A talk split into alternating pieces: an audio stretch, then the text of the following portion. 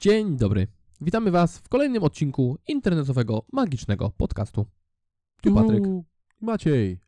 Tu Patryk Juchu. Juhu. W każdym razie witamy Was w tym odcinku. Kolejnym. Kolejnym z serii, bo nadal kontynuujemy serię o budowaniu postaci. Juhu. I dzisiaj nie pomówimy sobie o krzykach, jak to sugeruje Maciek swoim juchu, powtarzającym się. Eee. Nie powiemy o running gagach, ani jęczących zombie. Juhu. Za to powiemy sobie o czymś troszkę innym. Juhu. Dzisiaj chyba ja tylko będę mówił, bo Maciej zaciął się na juchu Eee. i na e. Więc dzisiaj ja pomówię o ruchu scenicznym. Juhu. Ruchu, nie juchu. Ruch. Movement z angielskiego, mój drogi panie. Movement. No habla English.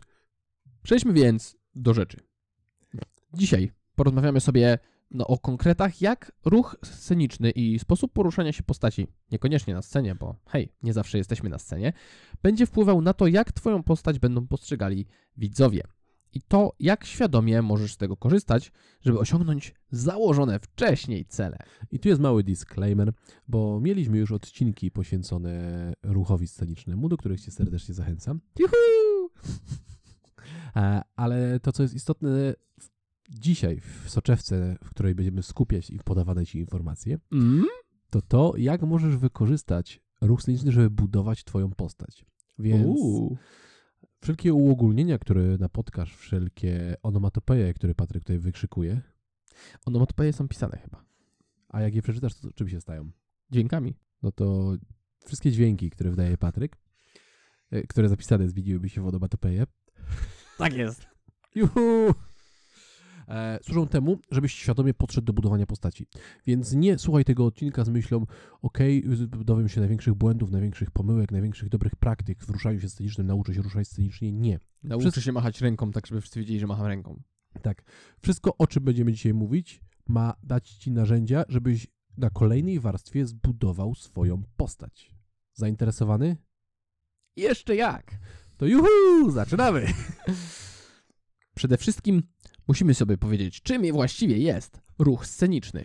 Czym właściwie jest ruch sceniczny? Jest to ruch odbywający się na scenie. I w naszym e, omawianym kontekście nie musi to być scena per se. Tak. To Jako- musi być po prostu ruch wykonywany w kontekście występu. Ruch wykonywany przez wykonawcę. Tak.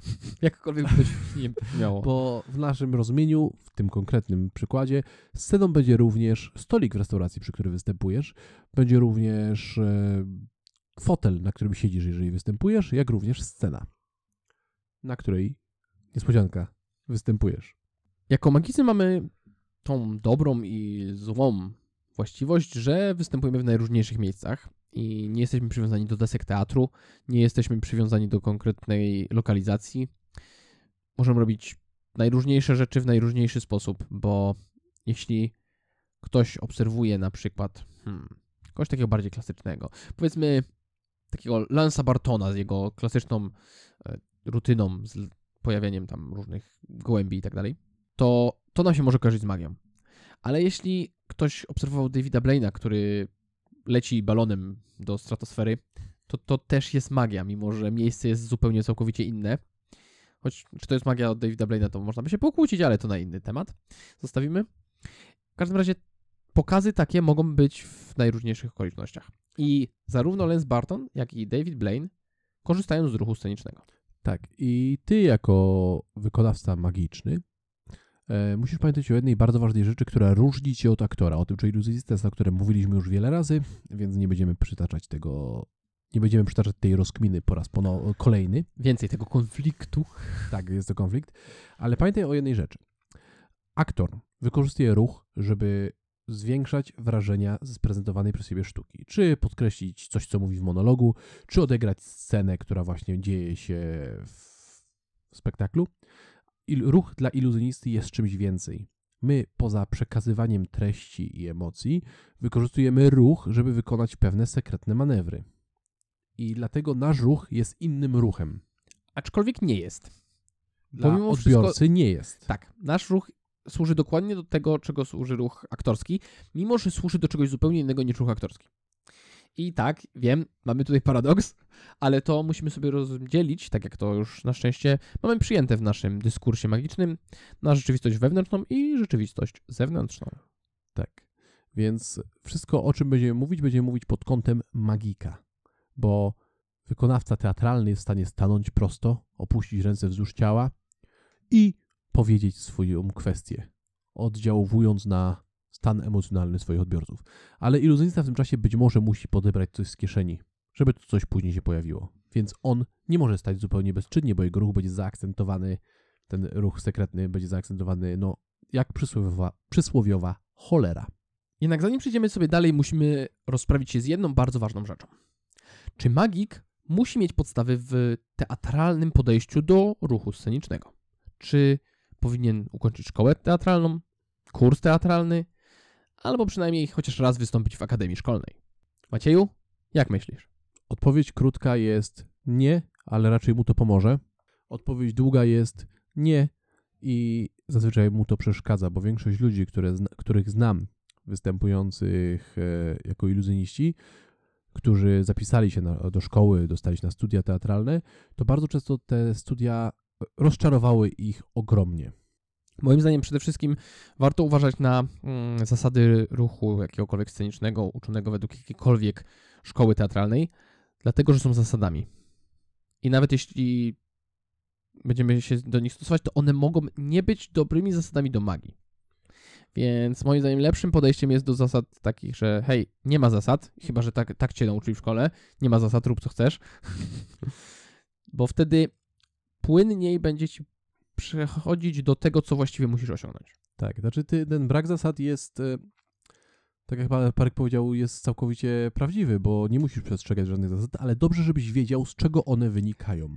Tak, to jest tak jak z y, większością zasad, czy to przy jedzeniu, przy, czy przy ubiorze, żeby łamać zasady, dobrze jest je znać. Tak, trzeba rozumieć, z czego one wynikają i jeżeli na przykład będziesz chciał się odwracać tyłem do publiczności, demonstrując miejsce, gdzie twoje szlachetne plecy kończą swoją szlachetną nazwę, to dobrze, żebyś wiedział, dlaczego nie powinieneś tego robić i wykorzystując ten ruch, to odwrócenie się tyłem, żeby to był akcent, a nie rażący błąd.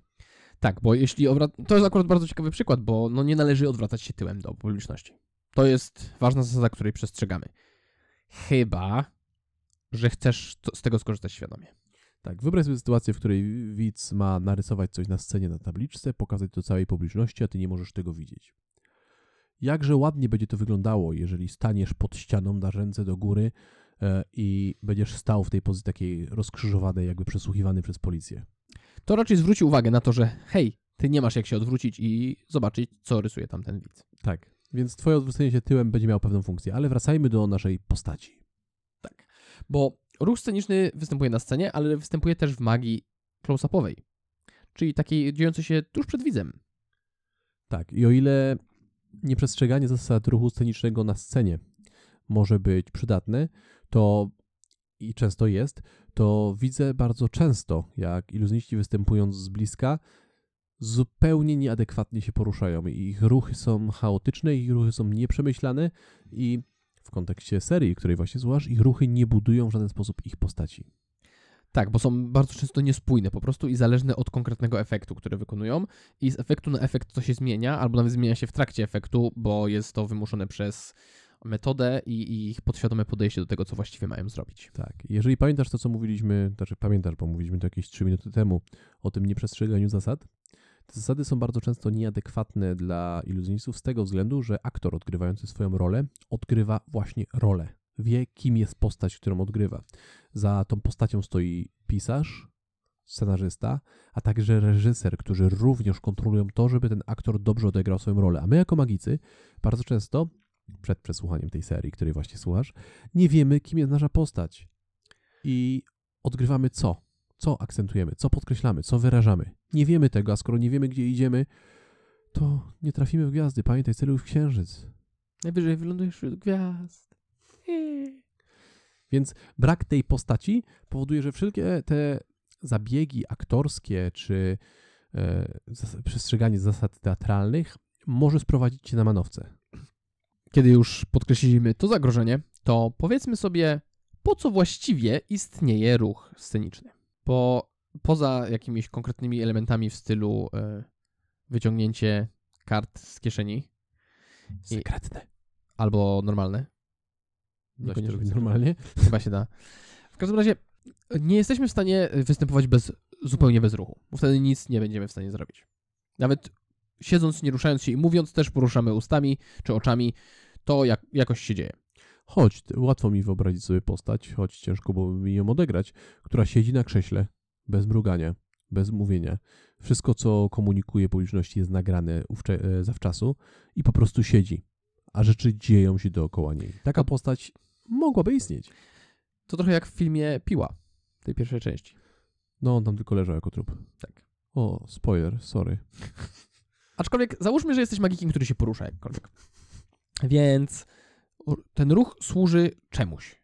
I on służy komunikowaniu informacji. Niczemu więcej. Tak, i on komunikuje informacje na więcej niż jednej płaszczyźnie. Bo tak jak wspomnieliśmy wcześniej, on komunikuje informacje tego, co się dzieje. Opowiada, no jest przedmiotem akcji odgrywanej przez ciebie sceny, czy też odgrywanego efektu, a z drugiej strony komunikuje, kim jest twoja postać. Czy czuje się dobrze, czy czuje się źle, gdzie jest, kim jest i po co tu jest. Do czego zmierza? Jaki jest jej cel w życiu? Odpowiada na pytanie, quo vadis homine? Tak, ruch jest sposobem komunikacji. I możemy dużo mówić o komunikacji niewerbalnej, ale o tym się mówi wszędzie dużo i jesteśmy w stanie znaleźć bardzo dużo źródeł. I chyba Więc- nagraliśmy już o tym jakieś odcinki nawet. Bardzo możliwe. W każdym razie, ogólnie rzecz biorąc, warto się doedukować z komunikacji niewerbalnej, by korzystać z niej świadomie, bo to może być dosyć przydatne przy tworzeniu postaci za pomocą ruchu, ale do tego przejdziemy zaraz. W każdym razie, to jest coś, co trzeba sobie uświadomić. Wszystko, co robimy, każdy ruch coś komunikuje. Jest przekazywaniem informacji.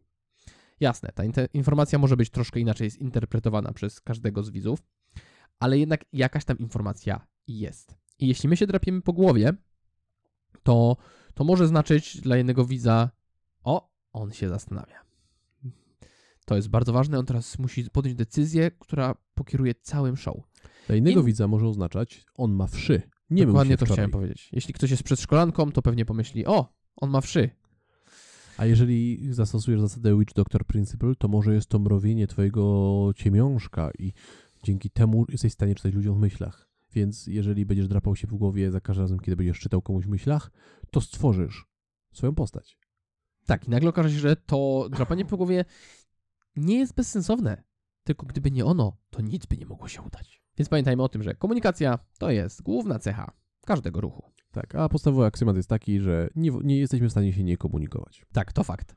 Jeśli istniejemy w jakiejś rzeczywistości, gdzie są też odbiorcy, to zawsze się komunikujemy. Musimy też zwrócić uwagę na coś, co istnieje w konwencji teatralnej, a więc i często w konwencji magicznych pokazów. I jest to czwarta ściana. Och, ileż my gadaliśmy już o czwartej ścianie i ileż jeszcze będziemy gadać, bo obecność bądź nieobecność czwartej ściany bardzo często decyduje o tym, czy pokaz magiczny jest dobry, czy też nie jest dobry. Czwarta ściana istnieje w filmach, czwarta ściana istnieje w teatrze, czwarta ściana istnieje w bardzo wielu rodzajach pokazów. Jednak w magii, tak naprawdę, w tej magii, z którą często mamy do czynienia, jest, istnieje ona niezwykle rzadko. I toczyliśmy z Maciejem długie dysputy na ten temat, gdzie właściwie istnieje czwarta ściana w magii, bo jeśli nasz wykonawca prezentuje coś, to publiczność zazwyczaj w jakiś sposób bierze w tym udział. Jedyne przykłady, które nam przyszły do głowy, to takie, gdzie mamy do czynienia z manipulacją.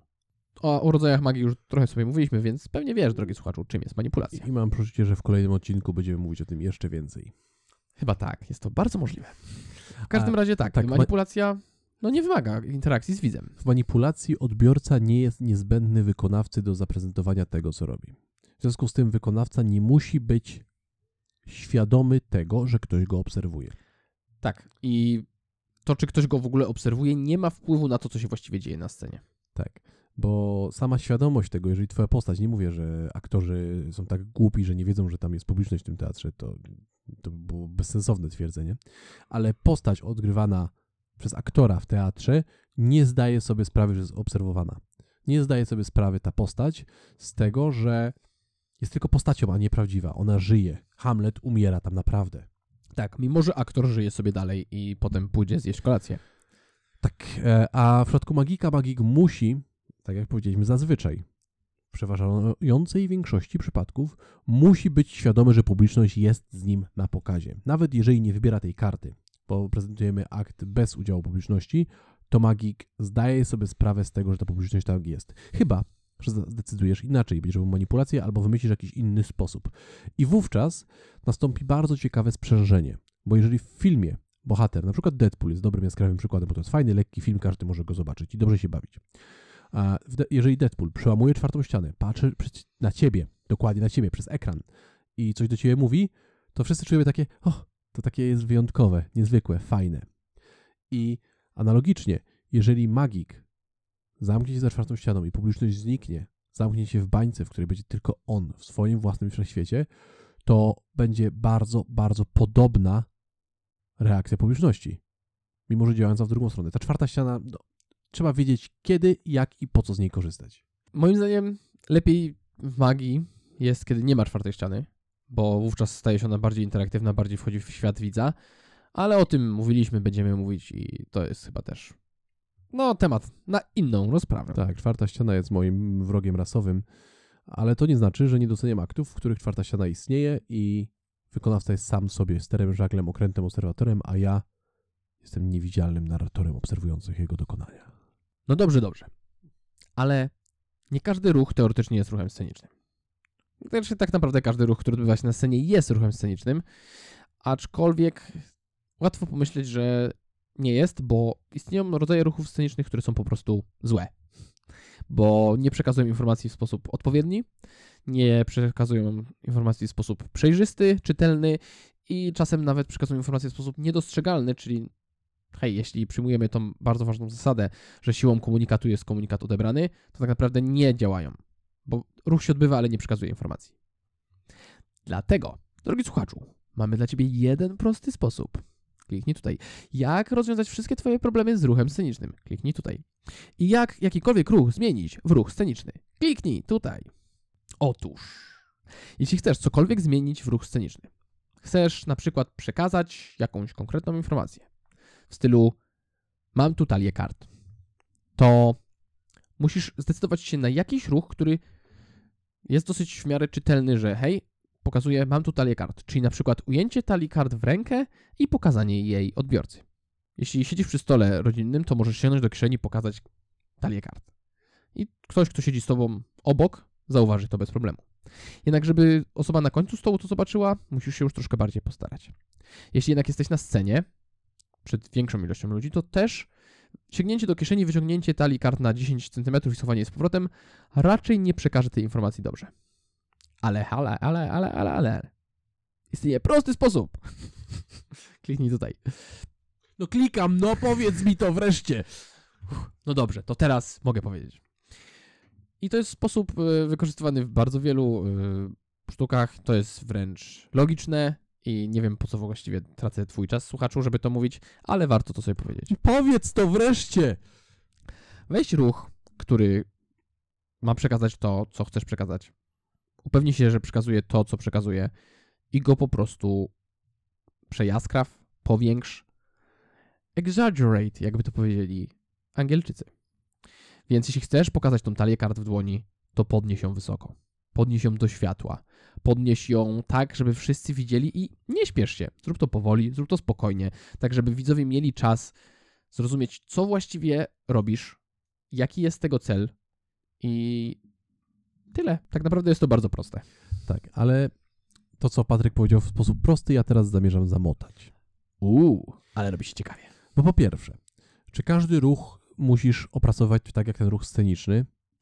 Nie wiem, być może i tylko ty sam możesz o tym zadecydować. Jak to zrobić? Najlepiej pomyśl o ruchu, wykonaj go, nagrywając go albo siedząc przed lustrem. Nagrywanie będzie lepszym rozwiązaniem. Zobacz go, jak on wygląda w nagraniu. I załóżmy, trzymając się tego wyciągania talii kart, to wyobraź sobie, że jesteś narratorem, który opisuje to, co dzieje się na obserwowanej przez ciebie scenie. Oto człowiek, który wyciąga karty. Będzie wyglądało inaczej niż człowiek gwałtownym ruchem zmaterializował wręcz w rękach talię kart.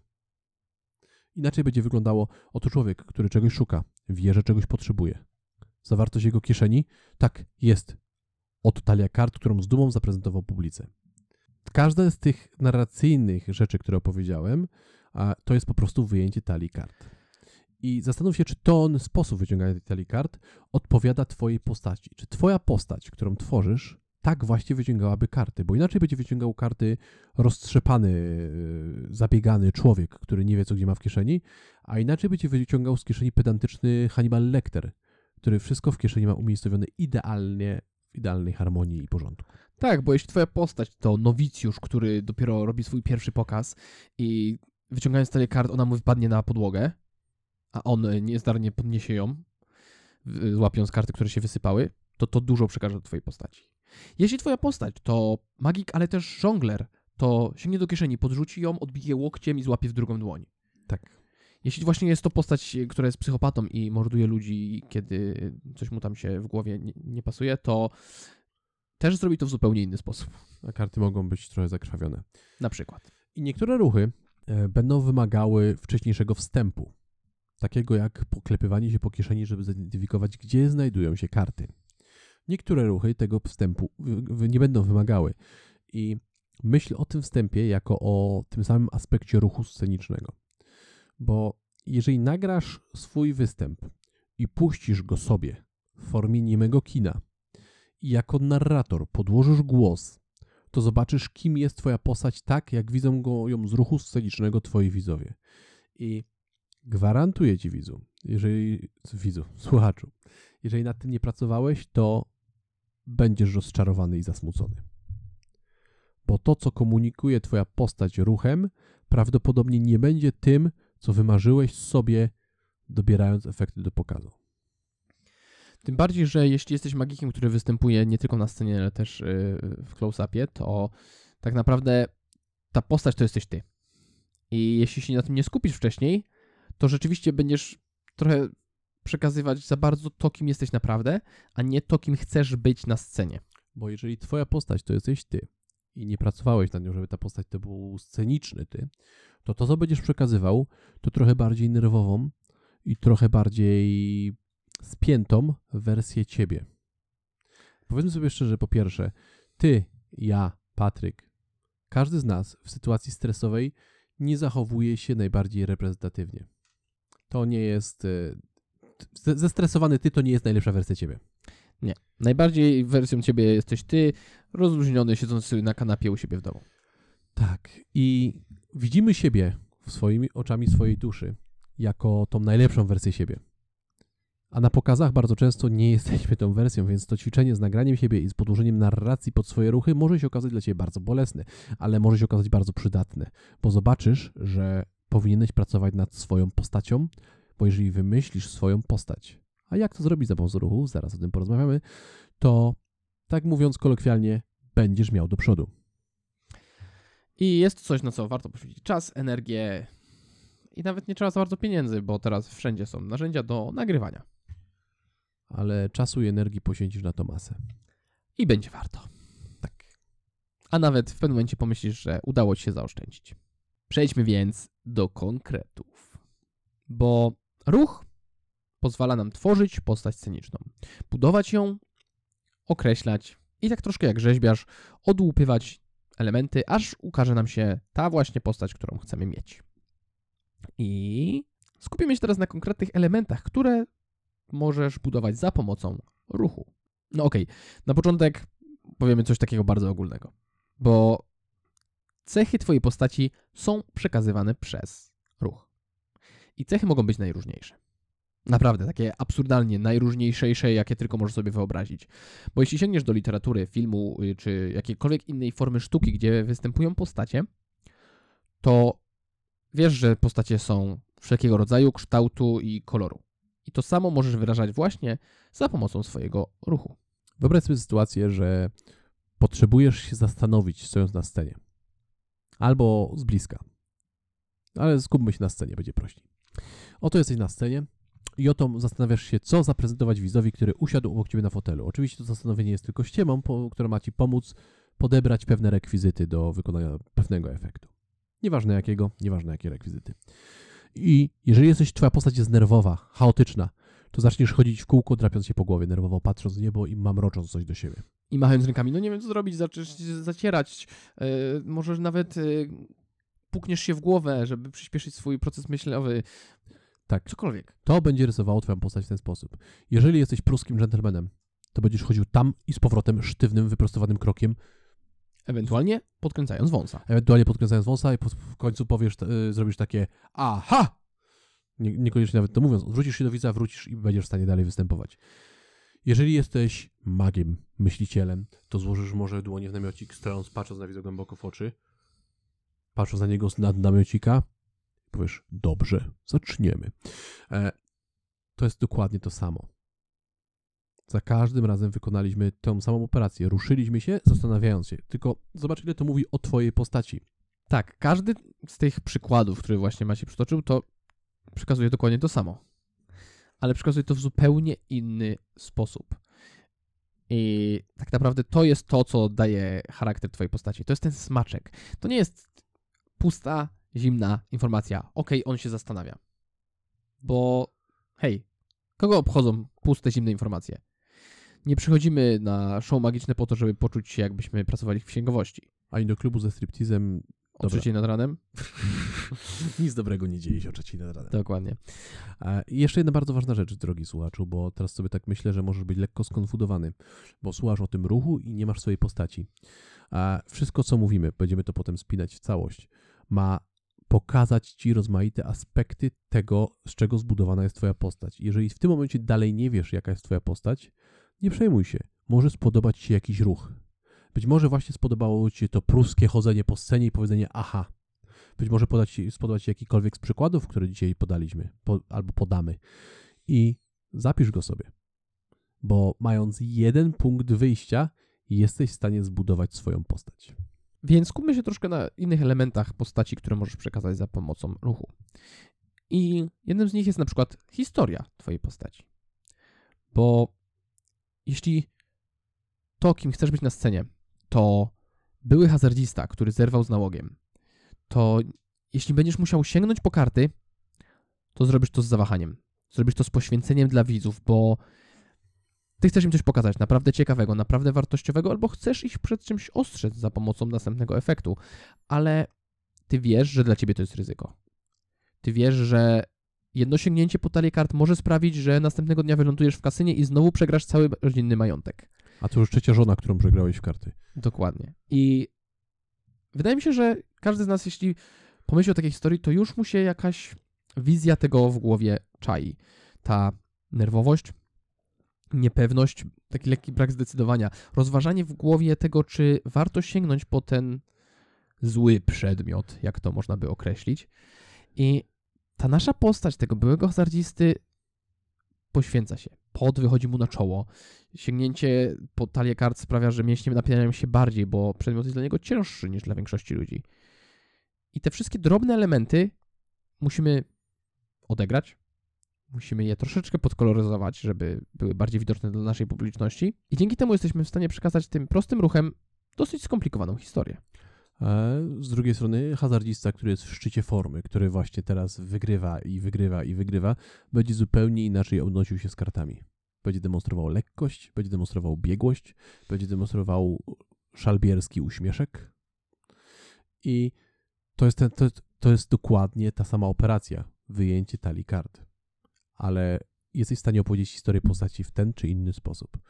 I jesteś w stanie kuleć na scenie, demonstrując krzywdę, których doświadczyłeś podczas treningu, nie wiem, indyjskiej sztuczki z liną. Albo jeśli na przykład chcesz wykonać rosyjską ruletkę i nigdy nie zdarzyło ci się popełnić błędu, to raczej sięgniesz po te rekwizyty dosyć pewnymi ruchami.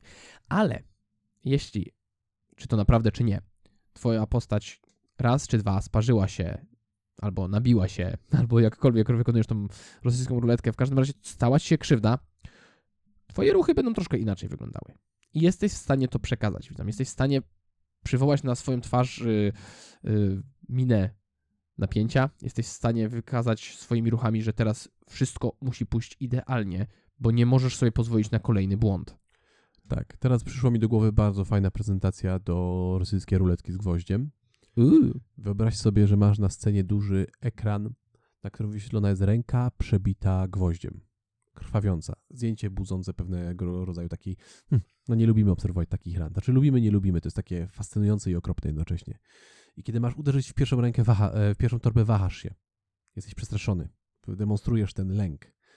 I mówisz, i ludzie zaczynają się zastanawiać, dlaczego się tak boisz? W końcu jesteś tylko magikiem. Przecież robiłeś to już setki razy. I tuż przed uderzeniem wahasz się po raz kolejny i mówisz, drodzy Państwo, muszę Wam coś wyznać. Ta ręka należy do mnie. I wtedy zdjęcie się pomniejsza i okazuje się, że to jesteś Ty, trzymając tą zakrwawioną rękę, która przed chwilą była w wielkim zbliżeniu. I teraz Twój ruch, to zdjęcie opowiada historię. I można by to zrobić bez tego zawahania, tak. ale nie podbudowałbyś tej cechy, tak? Nie podbudowałbyś tego, że to rzeczywiście zrobiło na tobie wrażenie. Tak. Bo jeśli weźmiemy na przykład ucieczkę z czegoś, czy to z Kajdan, czy to z kaftanu bezpieczeństwa, to jeśli ty chcesz zbudować postać kogoś, kto rzeczywiście był pacjentem szpitala psychiatrycznego i uciekł raz rzeczywiście z kaftanu bezpieczeństwa, to to będzie dla ciebie coś zupełnie innego. To będzie dla ciebie, patrzcie, tak to wtedy zrobiłem. Ale jeśli jesteś po prostu takim pasjonatem, jak był na przykład Ricky J i interesują cię stare różne rodzaje pokazów sideshowowych i słyszałeś o takim jakimś tam Houdinim, który się uwalniał z różnych kajdan i prezentujesz to jako była taka ciekawostka, że kiedyś ludzie oglądali coś w ten sposób, to twoje ruchy będą inne. Twoje ruchy będą bardziej, o patrzcie, to jest fajne. A nie, tutaj walczyłem o życie w ten sposób. Tak, także to walczenie o życie teraz przyszedł mi do głowy fajny pomysł na prezentację. Tak fajnie, że nie mogę się powstrzymać przed powiedzeniem. O bo, nie, o nie. Bo, Tylko tutaj. Bo jeżeli miałbym odgrywać uwolnienie się z kaftana bezpieczeństwa jako osoba, która rzeczywiście spędziła większość życia w kaftanie bezpieczeństwa, walcząc z opresyjnymi strażnikami na Wyspie Tajemnic jak Leonardo DiCaprio, to wyobraź sobie, jak robisz tło, opowiadasz, że przez większość życia byłeś skuwany, kiedy miałeś epizody. I do dzisiaj został w tobie lęk przed tym przedmiotem. I kiedy wyciągasz ten kaftan, wyrażasz odrazę do tego przedmiotu. Trzymasz go z daleka od siebie nie przyciąga. No, widać, że ten kaftan bezpieczeństwa nie jest twoim przyjacielem. Wolałbyś, żeby go tu nie było. I w momencie, kiedy ludzie zaczynają cię e, zapinać, zaczynasz wrzeszczeć i miotać cię już teraz. Oni przestają, patrząc przez ramię, już, przepraszam, nie panuję nad tym, traumy z dzieciństwa są zawsze wieczne. I to się może zdarzać, ale nie, nie przestajcie. Oni cię skuwają, a ty drzesz mordę, ile wlezie w momencie skuwania, nie w momencie uwolnienia. Bo uwolnianie to już jest proces, który ty znasz, który wiesz, że ci się uda i ludzie ci już sprzyjają, tam już jest trochę inny proces.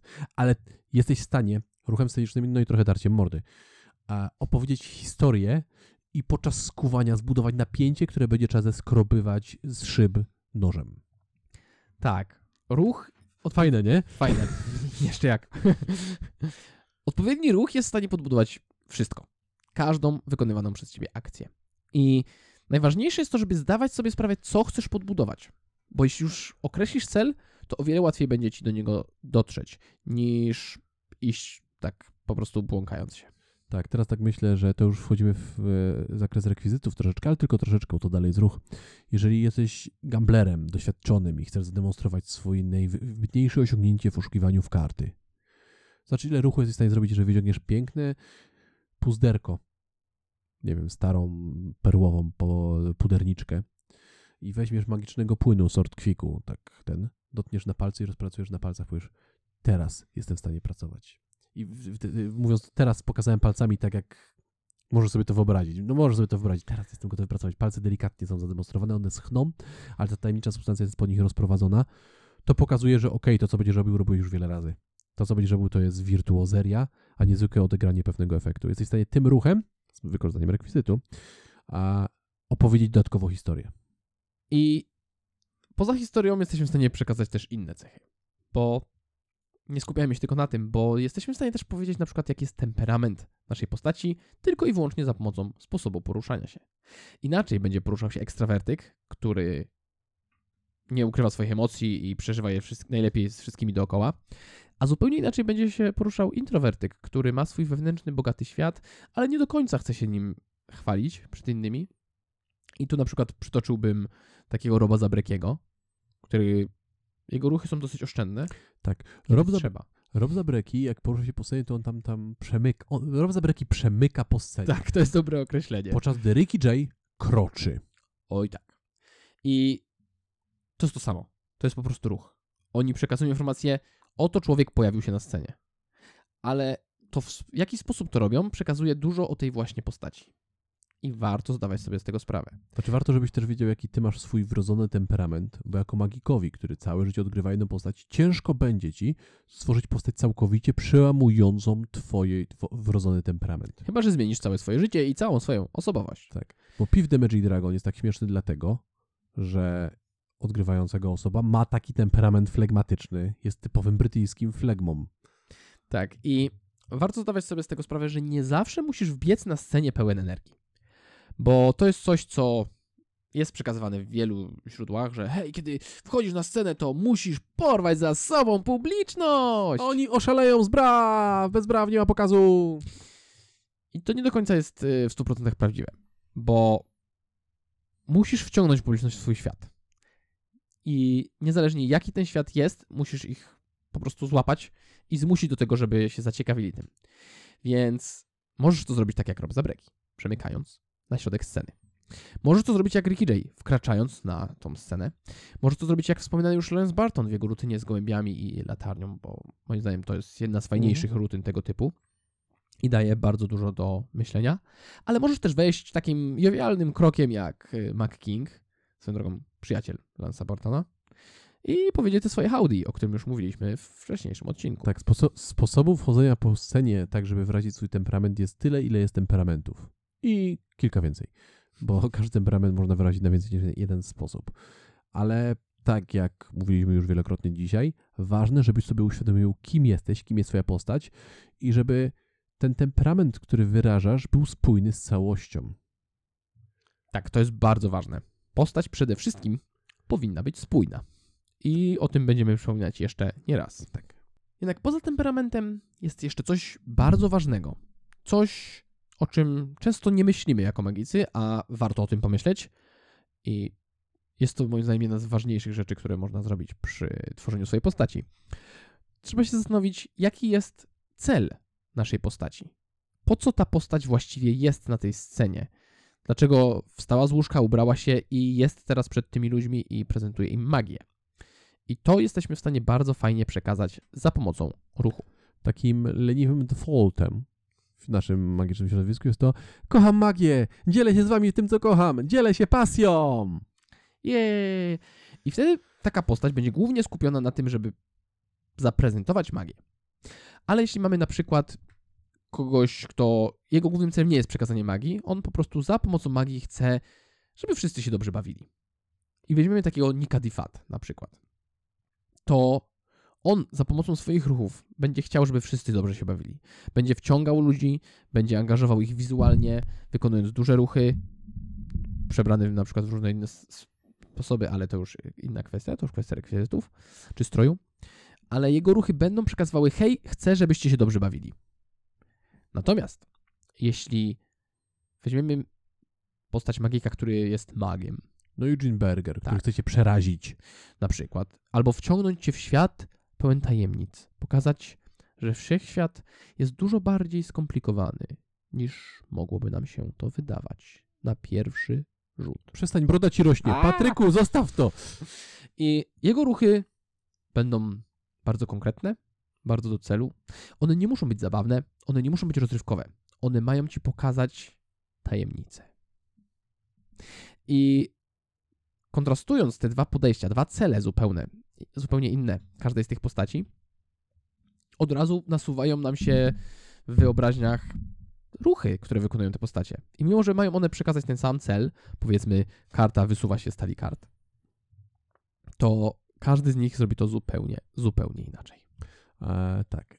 E, Częścią celu jest jeszcze tak naprawdę podejście do publiczności. Bo Charlie Fry ma bardzo specyficzne podejście do publiczności. Ja jako jego widz się go boję. On jest groźny i straszny. On e, za nic ma swoją publiczność, on jest tym gościem, on jest the guy. I są takie postacie. Tak. Bo na przykład Piv, The Magic Dragon, Mhm. ma, jego ruchy przekazują, no muszę wam coś pokazać. No mi się nie chce i wy o tym wiecie, ale zapłaciliście za to, żeby tu być. Więc ech, dobra, miejmy to z głowy. to też musisz przemyśleć. Zobacz sobie, jak to wygląda w Twoich ruchach, zobacz sobie, jakie Ty zdradzasz podejście, bo jeżeli dzielisz się pasją i to jest, jesteś tym defaultowym magikiem polskim, a też nie tylko w sumie polskim, bo to jest choroba magików na całym świecie, to nie ma w tym nic złego. Ale zazwyczaj to podejście sprowadza się tylko do jednego aspektu i nie łączy się absolutnie z niczym innym. Bo jeżeli byś chciał, rzeczywiście, wyobraź sobie, że masz piękny ogród, albo masz e, pokój, twój man's cave, nawet jeżeli jesteś dziewczynką, a, w którym masz wszystkie ciekawe rzeczy, którymi chcesz się pochwalić, to to nie, to się tym nie ograniczyłoby się tylko do powiedzenia, to jest mój man's cave, tutaj zapraszam cię, tu jest fajnie, dzielę się moją pasją, dzielę się moją miłością i pokazujesz jedną rzecz. Nie, nie, nie, ty biegałbyś jak dziecko w sklepie z darmowymi cukierkami, pokazywał jedną, drugą, trzecią, czwartą rzecz. Ten, żeby zachować spójność tego podejścia, to musi się łączyć ze wszystkim innym. Wówczas twoje show, jeżeli to jest dzielę się moją pasją, to będzie coś zupełnie inne, innego niż chciałbym zaprezentować wam parę zagadek wszechświata. Chciałbym, żebyśmy eksplorowali tajemnice jeszcze czymś zupełnie innym, jak niż chciałbym pokazać wam kilka tajemnic. Mimo, że jest to teoretycznie to samo. Jakie podejście ma twoja postać do bycia tam, gdzie jest? Co wyraża swoimi ruchami? No, ty musisz sobie odpowiedzieć na pytanie, to było pytanie retoryczne. Tak, i tylko ty możesz znać odpowiedź, tylko ty możesz jej udzielić, więc warto się nad tym zastanowić. Ale jest jeszcze jedna rzecz, o której warto bardzo wspomnieć. Tak naprawdę bardzo warto o niej wspomnieć, bo twoja postać, niezależnie od tego, co ty przeżywasz będąc na scenie, odczuwa jakieś emocje. No ona nie odczuwa ich naprawdę zapewne, bo wie już, co się wydarzy i na przykład kiedy ty wyrażasz zaskoczenie, to twoja postać odczuwa zaskoczenie, mimo że ty nie. I warto się skupić na tym, jakie emocje twoja postać przeżywa. Bo taki na przykład Rob Zabreki, który pojawia się na scenie po to, żeby otworzyć swoją duszę przed publicznością i lekko nieśmiało pokazać i powiedzieć, hej, y, może, może chcielibyście być w tym świecie ze mną? On odczuwa zupełnie inne emocje, znaczy ta postać, bo on pewnie odczuwa te same emocje, co inni magicy, czyli hmm, co zjem na kolację dzisiaj? I tam będą inne emocje niż na przykład y, Nick DeFat, który próbuje zrobić swój, y, swoją żonglerkę łyżkami, czy Danny Buckler, który chce za pomocą y, komedii wciągnąć wszystkich w swój świat zen, albo Eugene Berger, którego przetaczamy zawsze i pokazuje nam ten wspaniały, tajemniczy wszechświat. I tutaj jest bardzo ważna rzecz, bo to wyrażanie emocji, o którym teraz wspomnieliśmy, jest płaszczyzną, przy której magicy kłamią najgorzej. Kłamanie w kwestii emocji jest najtrudniejszym rodzajem kłamania. Dużo łatwiej jest rozdać drugą kartę jako pierwszą, niż okłamać widza, że jesteś naprawdę szczęśliwy albo naprawdę pod wrażeniem tego, że tu jesteś. I ile razy miałeś, Patryku, tak teraz prowadzę wywiad. Patryku, Tak, Macieju? Ile razy miałeś tak, że magik wychodził na scenę i mówił, że jest bardzo szczęśliwy i że ta publiczność jest najlepszą publicznością, jaką ma i czułeś cringe? Przede wszystkim bardzo się cieszę, że zaprosiłeś mnie do tego wywiadu. Dziękuję bardzo. Dziękuję mojej mamie. A, dobra. E, więc bardzo często. Ja prawie zawsze. Tak. Magicy bardzo często mówią takie rzeczy, takie sztampowe, e, zupełnie nie przykładając się do tego. Nie czują, że to jest obowiązek, który muszę wypełnić. Muszę powiedzieć tym ludziom, że są najlepszą publicznością, no bo wtedy będą mnie lubili i będzie fajnie. Tak, i, nie, I to ciekawe, to nie jest część ich postaci, bo jeżeli to by było przy, tak, takie niezrozumienie tego, że publiczność cię nie lubi i branie ich braw e, za to, że cię kochają, będzie częścią twojej postaci, to to jest super. Niesamowity Bard Wonderstone jest dobrym przykładem takiej postaci. Tak. I oglądanie tego filmu jest fajne, bo my się śmiejemy z tego, że on wierzy w to, że jest wspaniały i że ludzie go uwielbiają, mimo że tak naprawdę wszyscy wiemy, że tak do końca nie jest. Tak, zazwyczaj wygląda tak, że wychodzi magik na scenę na weselu czy na innej filmówce i mówi, że bardzo się cieszy, że został zaproszony, że to jest zaszczyt, że może tutaj być, a publiczność robi brawo. No, I mówi, ale jesteście super publicznością, czuję, że będziemy się świetnie bawić. A publiczność, no dobra, zaczynaj. I to jest żałosne. Tak, tym bardziej, że ten magik wie, że to jest publiczność jak każda inna, a tego samego wieczoru ma jeszcze kolejne wesele, gdzie powie dokładnie to samo tymi samymi słowami, przekazując dokładnie taki sam poziom emocjonalny. Tak. I można to robić, tylko niech to będzie spójne z całą postacią. Tak, jeśli mówisz ludziom, że są najlepszą publicznością, jaką kiedykolwiek miałeś, to lepiej, żebyś w to wierzył. I tutaj trochę odeszliśmy od ruchu scenicznego na rzecz słów, ale prościej jest to wyrazić słowami, bo kłamanie w kwestii emocji słowami jest trudne, ale kłamanie w kwestii emocji ruchem. To już jest absurdalnie trudne. Tak, witamy w świecie pantomimy i teatru kabuki i tych wszystkich form, które są naprawdę bardzo, bardzo trudne, więc lepiej jest być szczerym. Tak, bo możemy podejść do tego, że mamy wyćwiczone wszystkie ruchy na przekazywanie konkretnych emocji i wiemy, co mamy powiedzieć, jaką mamy przyjąć minę, jak poruszać dłońmi, nogami, torsem i w ogóle każdą częścią ciała, żeby przekazać na przykład smutek, radość, dumę, cokolwiek. Możemy do tego tak podejść. Ale to jest podejście trudne, czasochłonne, pracochłonne i szczerze to wiem, że prawie nikomu nie będzie chciało się wykonać niezbędnej do tego pracy, I bo nie każdy z nas jest zawodowym aktorem. Tak, dodatkowo jeszcze twoja postać może się zmieniać i wówczas cała ta praca, którą wykonasz, okaże się bezsensowna. Tak. Ale tak się składa, że ludzie mają dosyć y, dobre systemy powgrywane w wyrażanie emocji w swoich mózgach. I jeśli ktoś się naprawdę cieszy, to wyraża to całym swoim jestestwem. Dlatego jeśli jesteś w stanie wywołać w sobie stan emocjonalny, do którego chcesz przekonać widzów, to hej, to się dzieje za ciebie, twój mózg i twoje ciało zaczynają współpracować i ty nie musisz się niczym przejmować. I tu wracamy znowu do ważności tego, żebyś wiedział, kim jest twoja postać, bo jeżeli zidentyfikujesz poprawnie stany emocjonalne twojej postaci i będziesz robił je świadomie i będziesz się nimi naprawdę cieszył, będziesz naprawdę w nie wchodził, bo i tak nie wchodzisz i zadbasz o to, żeby to było spójne z całą resztą twojej postaci, no to masz robotę wykonaną. Tylko musisz wiedzieć, kim jesteś. Tak, bo jeśli cofniemy się do tej znowu nieszczęsnej rosyjskiej ruletki i ty chcesz przekazać widzom, że hej, to nie jest zabawa, tutaj jest prawdziwe ryzyko i już kilka razy ci się zdarzyło coś pójść nie tak, więc poświęcasz się dla nich, to twoje ruchy będą troszkę inne niż kiedy będzie, no dobra, ja wiem, że wy wszyscy wiecie, że to jest żart i że tak naprawdę nie ma tu żadnego ryzyka, po prostu muszę to zrobić, bo hej, mam to wpisane w swoją setlistę. I jeśli ty chcesz przekazać to pierwsze, ale w głowie masz to drugie, to będziesz to przekazywać podświadomie. Chyba, że jesteś z jakimś takim super aktorem i masz to dokładnie wszystko zaplanowane. Wtedy, wiadomo, możesz to zrobić. I tak naprawdę myślisz o tej kolacji, którą sobie zjesz później. Ale jeśli nie jesteś super mega aktorem, to warto wywołać w sobie ten stan emocjonalny, bo możesz spalić cały efekt. Skoro już wiemy, że emocje można przekazywać za pomocą ruchu, to no nie będziemy się skupiać na każdej kolejnej cesze, kolejnej emocji, kolejnym uczuciu i wszystkim, co może wyrazić za pomocą tego właśnie, jak się poruszasz, bo to już wiesz, to dopasujesz do swoich konkretnych potrzeb i przykładów. Więc teraz skupimy się na czymś, co może Ci pomóc w podejmowaniu decyzji, a dokładnie na inspiracjach. Ale zanim jeszcze przejdziemy do inspiracji, to ja mam bonus punkt. Uuu, czyżby to był bonus point? Tak, nie, to jest bonus punkt. Bonus punkt. Twoje ruchy powinny wyrażać iloraz inteligencji twojej postaci. To jest coś, czego nie zaplanowaliśmy, bo to może budzić pewne kontrowersje. Co?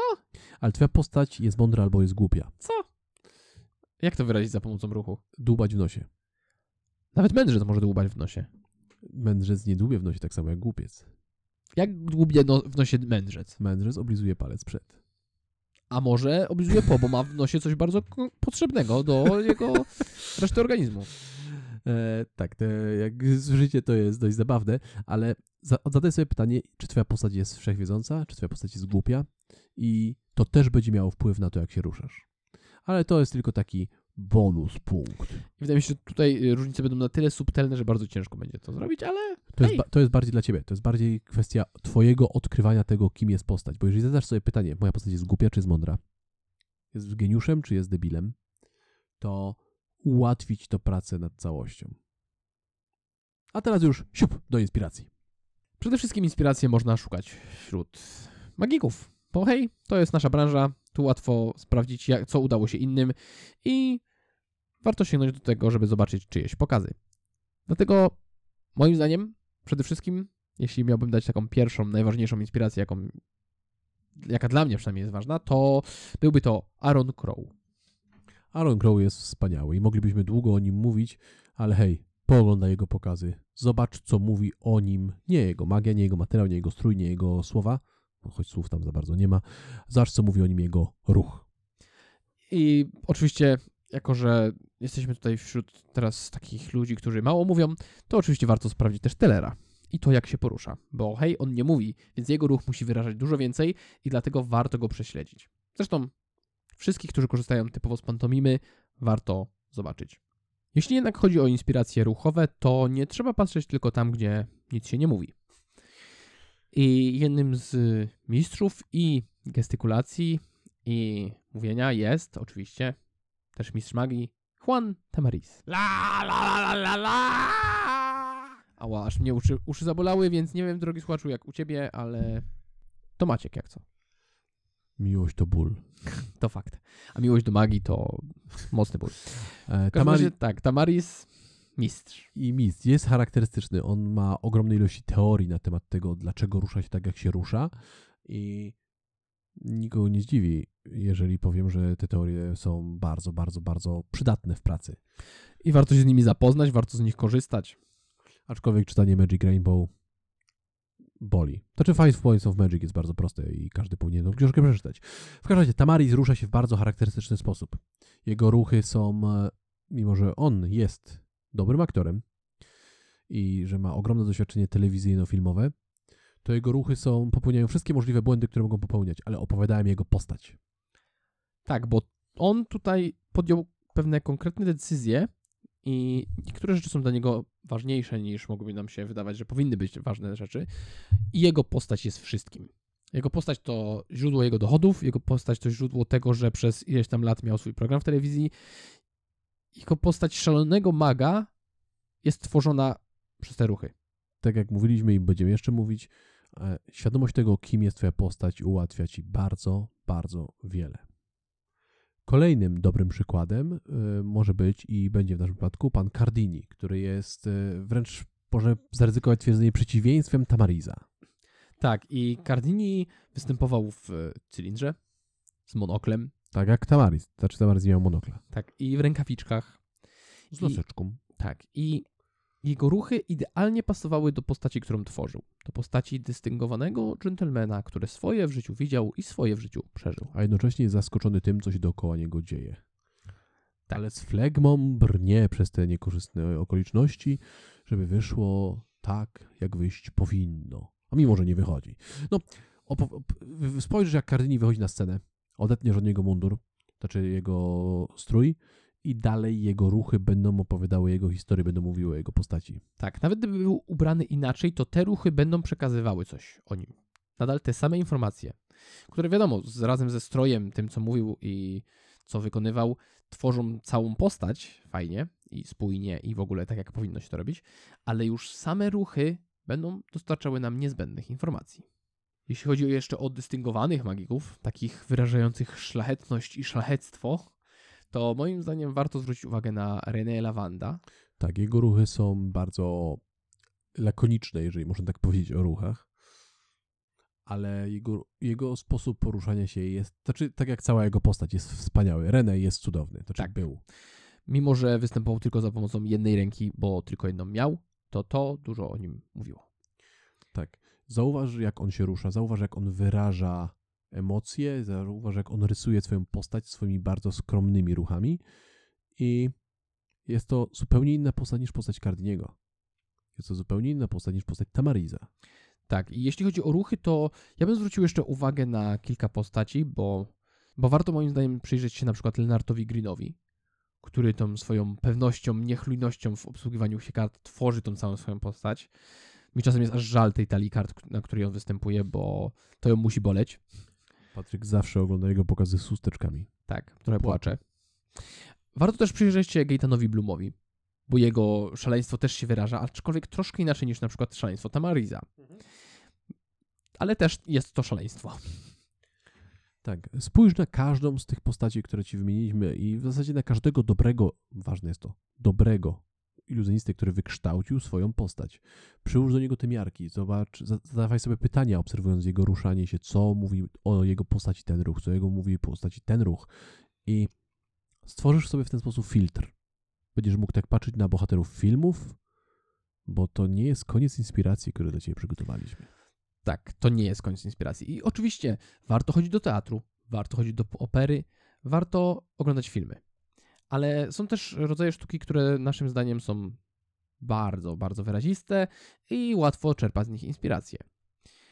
I jak dla mnie, jedną z takich najważniejszych rzeczy są filmy animowane. I po, warto patrzeć na te najlepiej animowane.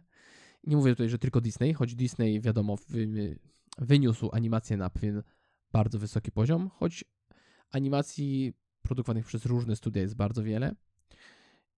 Nawet też przez pojedynczych twórców. W każdym razie dobra animacja wyraża więcej emocji niż ruch wykonany naprawdę. Bo ona musi być troszkę przesadzona, ona musi być bardzo konkretna, żeby wyrazić dany cel, bo hej, to wymaga więcej pracy zanimowanie, szczególnie klasyczne jakiejkolwiek postaci, niż poruszenie się przez aktora. I te cechy, które tam są podkreślane, warto zwrócić na nie uwagę, bo łatwiej jest je rozpoznać i łatwiej jest je zastosować później do siebie samego. Dla ciebie to będzie proste do wyłapania, z tego głównie z tego względu, że to może być szok. Ale chudy z tej historii nie jest prawdziwym aktorem. Jak to? I ta animka, czy jak ktoś tam mówi, ona wyrazi to, co jej rysownik przekaże. Nie trzeba uczyć aktora, nie trzeba walczyć z jego ograniczeniami, przyzwyczajeniami, nie trzeba go ustawiać, bo wystarczy, że go narysujesz i on zrobi to, co powinien robić. To, co autor jego ma na myśli. W związku z tym te ruchy są bardzo często wystudiowane i wspaniałe w swojej prostocie w odbieraniu. Tak, właśnie prostota, czystość, przejrzystość ruchów postaci animowanych jest tym, do czego warto zdążać. Tak, to bardzo fajnie widać moim zdaniem w tej historii, bo pan Bulwa rusza się, no jak pan Bulwa. Tak, a jeśli nawet zerkniemy do starych animacji Disneya, tych animowanych jeszcze na papierze, to tam Patrz, było jeszcze bardziej. Tak, patrzysz na mamę Bambi i widzisz, że ona nie żyje. Oj tak, zdecydowanie. Ruch zero. ale, ale nie tylko Disneyem i animacjami żyje inspirujący się magik. Warto też sięgnąć do niemego kina. Tam jesteśmy pozbawieni dźwięku, który nas rozprasza i wszystkie informacje muszą być przekazywane tylko i wyłącznie za pomocą filmu, czyli ruszających się obrazków.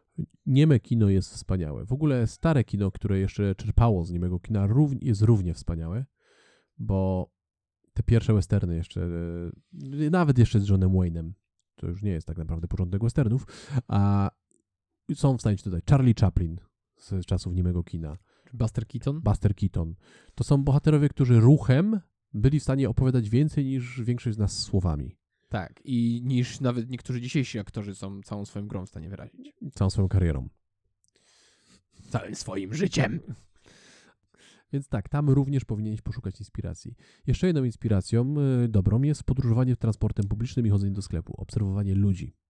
Tak, obserwowanie ludzi i tego, jak naprawdę wyrażają swoje emocje w codziennym życiu jest bardzo wartościowe, tylko nie róbcie tego jak jakiś creep i nie patrzcie na ludzi zbyt długo i zbyt otwarcie, bo to będzie nieprzyjemne dla wszystkich. Ale tak, obserwowanie ludzi jest niezwykle ważne. I musimy dodać jeszcze do inspiracji jedno źródło, ulubione przez Macieja, nie do końca rozumiane przeze mnie, i jest to balet.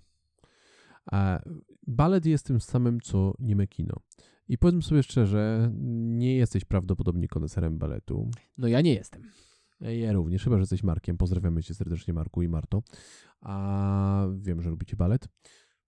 Marta chyba nawet bardziej niż Marek.